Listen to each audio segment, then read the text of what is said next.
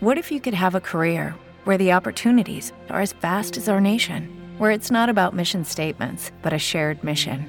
At U.S. Customs and Border Protection, we go beyond to protect more than borders from ship to shore, air to ground, cities to local communities. CBP agents and officers are keeping people safe. Join U.S. Customs and Border Protection and go beyond for something far greater than yourself. Learn more at cbp.gov/careers.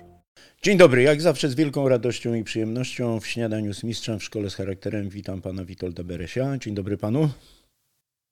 Witam serdecznie wszystkich, witam Ciebie, witam Państwa. Kiedy nasi uczniowie, kiedy nasi słuchacze sięgną do internetu, wpiszą Twoją godność, Witold Bereś, to pojawi się informacja o związku Witolda Beresia zawodowym z radiem RMF. Ile lat Witold Bereś pracował w radiu RMF? E, pierwsze dziesięciolecie, to znaczy od pierwszych audycji e, w roku 1990, jeszcze takich bardzo E, siermiężnych po koniec XX e, wieku, czyli do roku 2000 mniej więcej, kiedy to jeszcze przez chwilę prowadziłem taką swego czasu, dawno temu kultową audycję Wiódł Ślepy Kulawego, gdzie ja i Jerzy Skoczylas e, kabaretowo i prześmiewczo komentowaliśmy rzeczywistość waląc polityków wszystkich opcji, podkreślam, wszystkich opcji, niezależnie od tego, e, czy jest im nam do nich bliżej, czy nie. Jak ktoś coś głupiego zrobił, to miał pewne, że w naszej audycji nadawanej codziennie o 8 rano od poniedziałku do piątku się znajdzie. Także to było wielki, e, wielkie wyzwanie, ale też muszę powiedzieć, to była frajda wielka, bo ludziom się to wówczas bardzo, bardzo podobało. Gdybyśmy powrócili do tej właśnie kultowej audycji Wiód Ślepy Kulawego i gdyby dwójka jej autorów miała skomentować taką rzecz, która by się chyba wówczas im nie mieściła w głowie, że oto ich radio RMF na preferencyjnych zasadach zaczyna współpracować z taką instytucją jak Orlen, zarządzaną przez Daniela Obajtka. Co by wówczas w audycji Wiód Ślepy Kulawego się pojawiło? Mało tego, że to by się pojawiło, to ja myślę, że nawet gdyby tak wówczas się stało, to e, gdyby e, radiostacja doszła do wniosku, że ma do zrobienia jakieś ciemne władze radiostacji, gdyby doszły wówczas e, do myśli, że jakieś mają ciemne interesy do zrobienia z jakąś wielką firmą i trzeba ją chwalić i w związku z tym e, nie wolno nic złego o tym powiedzieć. Nawet gdyby tak było, tak nie było wtedy. Mm, to e, w ramach wolności słowa, które było szalenie ważne w tamtych latach, nie tylko w RMF, ale we wszystkich mediach polskich na pewno, a i olbrzymiej części świata zachodniego, pozwolono by nam na taki felieton. To jest niezwykłe, ale tak kiedyś było. Nikt w to dzisiaj nie uwierzy. Można było kiedyś yy, drwić z wszystkich ludzi po wszystkich stronach barykady politycznej yy, i nikomu to nie przeszkadzało, a było to wręcz dowodem yy, charakteru tych mediów, dobrego charakteru. Dziś o tej sprawie, że radio współpracuje z Orlenem, napisało Okopres, dość duży artykuł, e, Radio Muzyka Orlen. E, ten tekst pojawił się jakiś czas temu, ale e, dziś do dziennikarzy dotarły księgi wejść do takiej potężnej firmy, do takiego potężnego przedsiębiorstwa, jakim jest Orlen, i nagle okazało się, że nie wiadomo jeszcze w jakim celu. Dziennikarze radiowi przychodzą do prezesa. Czy to jest rzecz standardowa z Twojego do, wieloletniego doświadczenia dziennikarskiego, że dziennikarze chodzą do prezesa koncernu naftowego? No, y, y, wiecie, dzisiaj się jakby zapomina o takiej fundamentalnej y, sprawie dziennikarstwa, która jest może trochę hasłem populistycznym, no ale na tym zawsze dziennikarstwo polega i tę, tę zasadę sformułował jeszcze e, autor przygód Tomka Sawyera, Mark Twain, który był wielkim dziennikarzem w połowie XIX wieku, napisał otóż Informacją, wiadomością nie jest to, że pies ugryzł człowieka, wiadomością jest to, że człowiek ugryzł psa. Nikt normal, z normalnych dziennikarzy nie szedłby sobie do prezesa, żeby z nim porozmawiać dziennikarsko, chyba, że miałby dowody na to, że prezes jest łobuzem, łajdusem i coś złego zrobił. Generalnie rozmowy w duchu, ale pan jest miły, piękny, nie mieszczą się w głowie. Ale, a już na pewno wizyty prywatne. No, yy, dziennikarz, który odwiedza prywatnie kogoś z wielkich yy, i nie ukrywa tego, że jest dziennikarzem, to tak naprawdę prosi się, czy rekomenduje się jako yy, no, drugi najstarszy zawód świata, tak bym powiedział elegancko. To znaczy czeka na jakąś ofertę, która by mu się opłaciła. Ja nie mówię, że tak nigdy nie było. I ja nie jestem moralistą, żeby tu bić w piersi cudze, pewno mógłbym się też w swoje uderzyć. Ale to był jednak zawsze wyjątek, wiesz? To było jednak coś bardzo, bardzo potępianego. To się zdarzało oczywiście jesteśmy tylko ludźmi, y, ktoś daje czekoladki lekarzowi, czy dawał, no dzisiaj to czekoladki to byłby śmiech, mm, a ktoś inny przy pomocy tego, że jest dziennikarzem, coś załatwiał, żeby coś ważnego dla siebie czy dla najbliższych załatwić. Ale to było zawsze potępiane. Dzisiaj to jest standardem. To znaczy ci dziennikarze, którzy chodzą do prezesów, to właściwie chodzą, E, puszą się prezesi przed nimi, dziennikarze się przed nimi też mm, puszą, w zamian po cichutku proszą o Yy, fundują stypendia ci prezesi dla tych dziennikarzy, tak zwane stypendia, które są zawoalowaną łapówką zwykle, a w zamian dostają, yy, to czasami się nawet odbywa nie wprost, nie na bezczelnego, dostają jakieś wywiady z sobą promujące je i tak dalej. Mało tego, no, to jest rzecz, która się dzisiaj mi nie mieści w głowie. W tamtych czasach byłaby w ogóle bardzo często za od y, tak zwanego sponsora robi się tekst, prawda?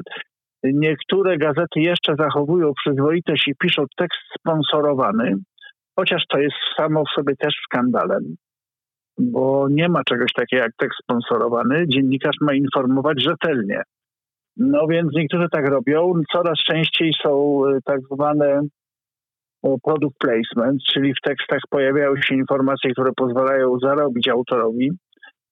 E, kiedyś to było niemożliwe, ale jest jedna wielka różnica tłumacząca to. To znaczy, kiedyś jednak były jeszcze media, dominowały media drukowane i im więcej sprzedałeś gazety, tym byłeś bardziej Y, popularny, ceniony i tym lepiej zarabiałeś.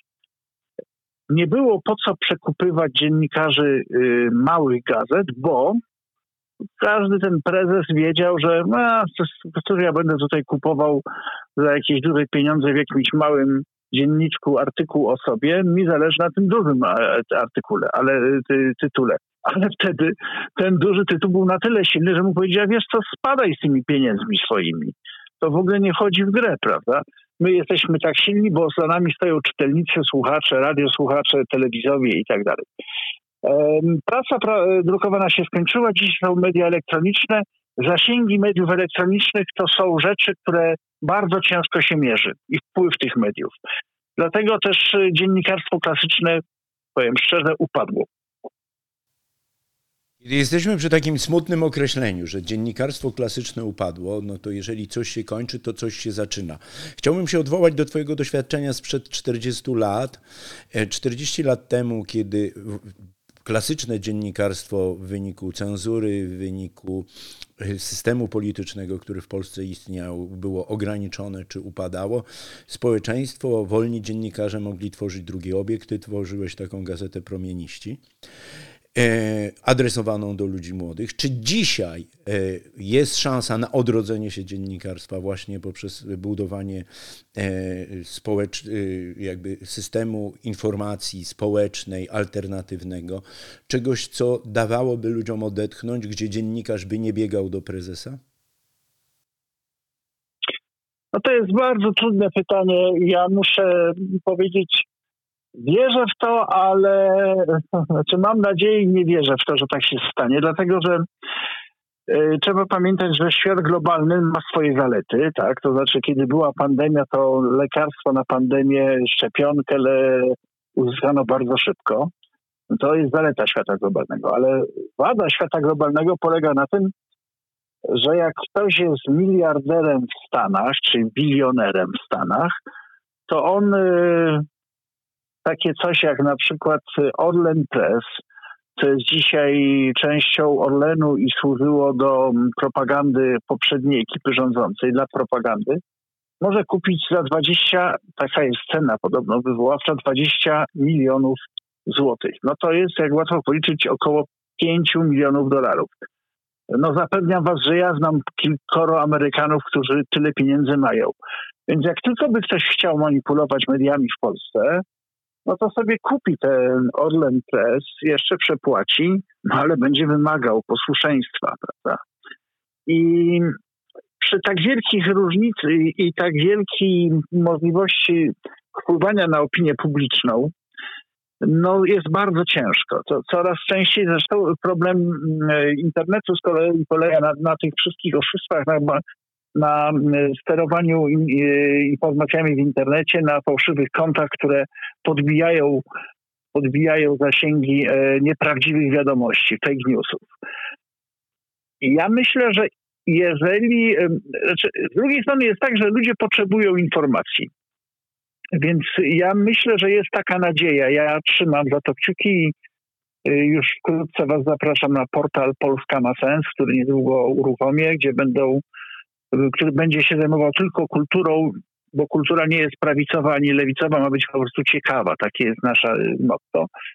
Ja myślę, że będą powstawać takie małe bańki, tak? To znaczy, że będą yy, portale, czy też gazety, czy też media tematyczne, e, środowiskowe, lokalne. Bardzo na lokalność mediów liczę.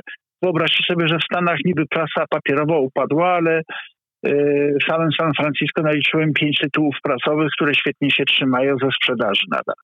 Więc ludzie potrzebują tego. Natomiast te wielkie, wielkie media będą albo państwowe, no albo wielkich korporacji międzynarodowych. W obu wypadkach tak naprawdę to kończy się na naciskach politycznych i to jest element tego wszystkiego. Ale powracając do tego tekstu z Oko Press, e, Radio Muzyka Orlen i Twojego doświadczenia właśnie pracy w RMF-ie e, wcześniejszej, E, w którym momencie dziennikarze przekraczają taki Rubikon? No bo przecież poza tymi wszystkimi pokusami, o których nam opowiedziałeś, a które dotyczą tych zmian cywilizacyjnych, zmian globalnych, jest jeszcze jakiś kodeks etyczny, jest jakiś kodeks moralny, że ktoś pewnym momencie, e, jak w piosence Jacka Kaczmarskiego, wymienimy na walutę honor i pokutę. W którym momencie to do takiej zmiany w osobowości dziennikarza dochodzi? Wiesz co, te słabe cechy mm, ludzkie po prostu, nie tylko dziennikarskie, no tkwią pewno w każdym.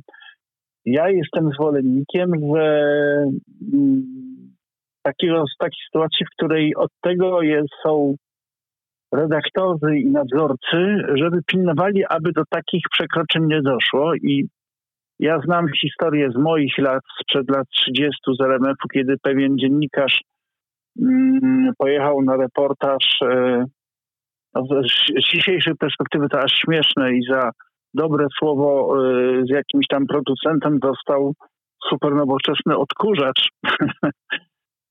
No ale to zostało natychmiast wykryte, potępione. Chłopak poleciał na e, zbitą twarz z firmy.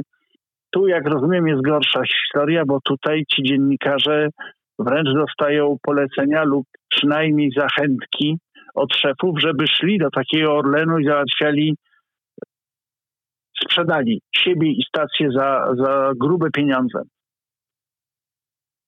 No ja panu, ja, ja, ja powiem tak, no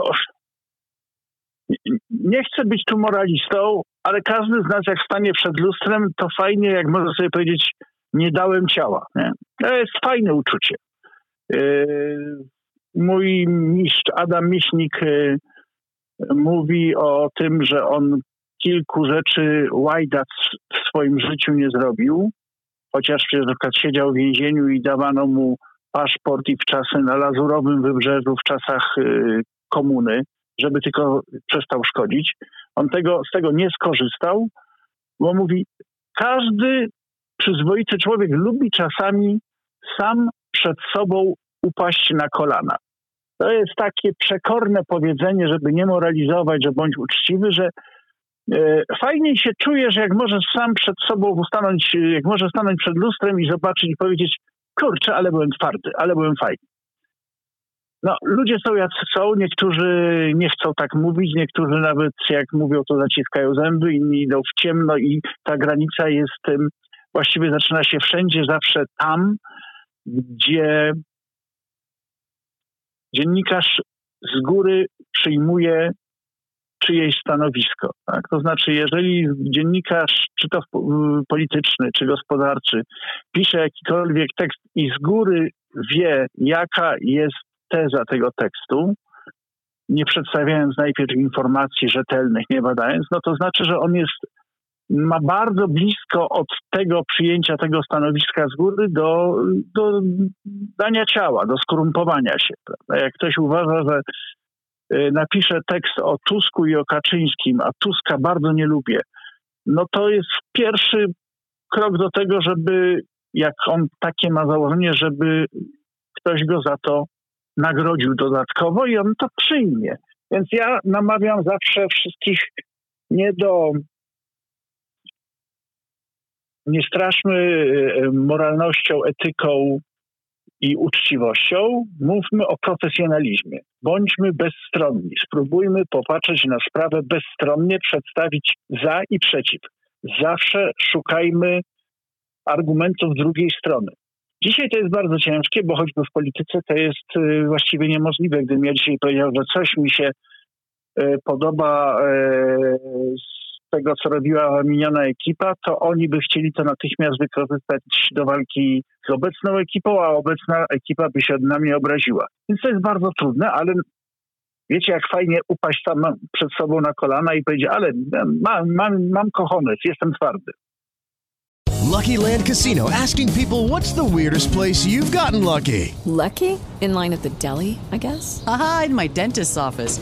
More than once, actually. Do I have to say? Yes, you do. In the car before my kids' PTA meeting. Really? Yes. Excuse me, what's the weirdest place you've gotten lucky? I never win and tell. Well, there you have it. You can get lucky anywhere playing at LuckyLandSlots.com. Play for free right now. Are you feeling lucky? No purchase necessary. Void where prohibited by law. 18 plus. Terms and conditions apply. See website for details.